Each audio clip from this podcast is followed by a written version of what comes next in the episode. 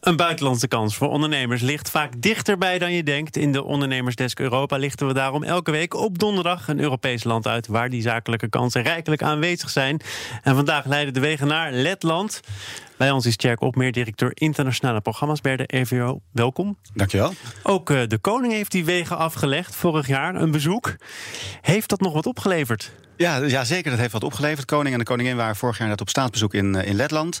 En hadden in hun kieuwzorg ook een, een aantal mensen op het gebied van, van transport en logistiek bij zich. En daar is ook een, een seminar georganiseerd om te kijken op welke manier we samen met Letland meer kunnen doen om mobiliteit daar te ondersteunen. En vandaar dat we ook druk bezig zijn om te kijken wat we met smart mobility kunnen doen. En daar liggen uiteraard heel veel kansen voor ondernemers.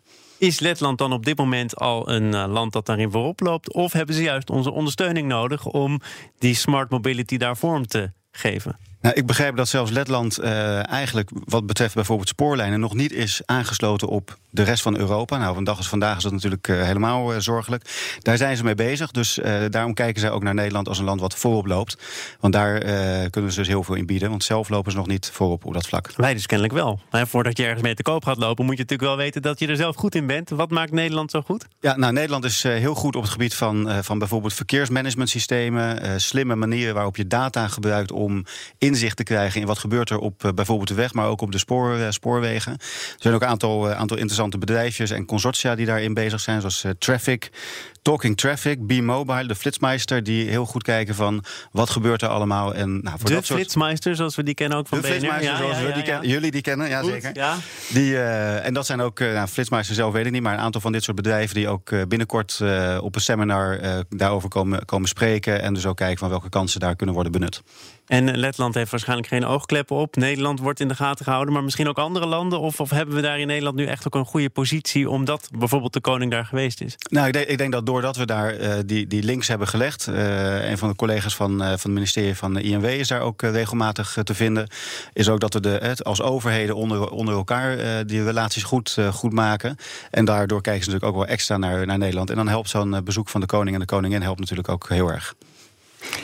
Als je naar Letland gaat, dan ga je het ook over cultuur hebben natuurlijk. Hoe anders is de cultuur? Hoeveel wodka moet je aankunnen als je meedoet aan een tender?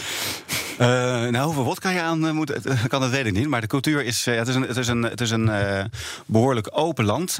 Letland is, is niet heel ingewikkeld zaken doen, maar je moet er wel rekening mee houden dat het wat, wat hiërarchischer is. Dus ze schijnen ook de mooie gewoonte te hebben dat de oudste in het gezelschap het eerste het woord neemt. En dat het dan ook netjes is dat als de oudste uit jouw gezelschap dan ook daarop reageert.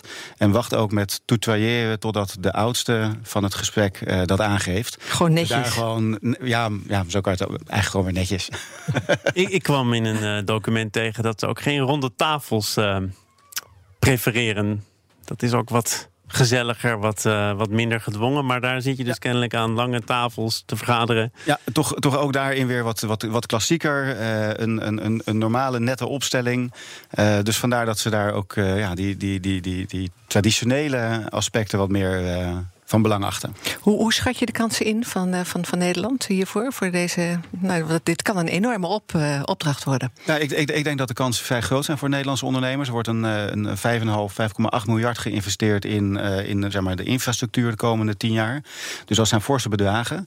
En doordat we daar als Nederland op een goede manier ook, ook op kunnen inspelen. En ook kijken van hoe kan je nou met consortia werken. Zodat je daar de verschillende partijen bij elkaar brengt. En ook nou, met alle kennis en kunde die we als Nederland hebben. Dat je daar ook wel goede kansen maakt. Dat, het, uh, dat we goede kans maken. We komen wel in landen met elkaar, hè? Letland. Nee, maar ik bedoel dat, bedoel dat zonder uh, daar denigerend over te zijn. Maar voordat je als ondernemer zegt: oké, okay, we gaan die stap wagen naar Letland. Een land waarvan je denk ik toch nog wel kunt zeggen dat de meeste mensen er niet heel veel van weten. Kom je nou ook als je in die contraien komt wat meer koudwatervrees tegen?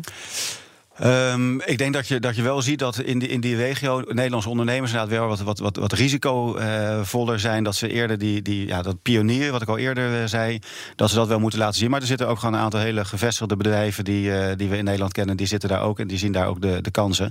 En het is uiteindelijk een, een Europees land. Dus uh, pas daarin ook goed in de, de wet en regelgeving zoals we dat met elkaar allemaal hebben afgesproken. Tjerk Opmeer van de RVO. Volgende week dan ben jij hier niet, want dan is het hemelvaart. Dan is het hemelvaart. ik me nu. Dan zit ik in uh, Italië en dan gaan we het over Italië hebben vanuit okay. de Biennale in Venetië. Goed, oké, okay. tot dan. Dankjewel, tot ziens.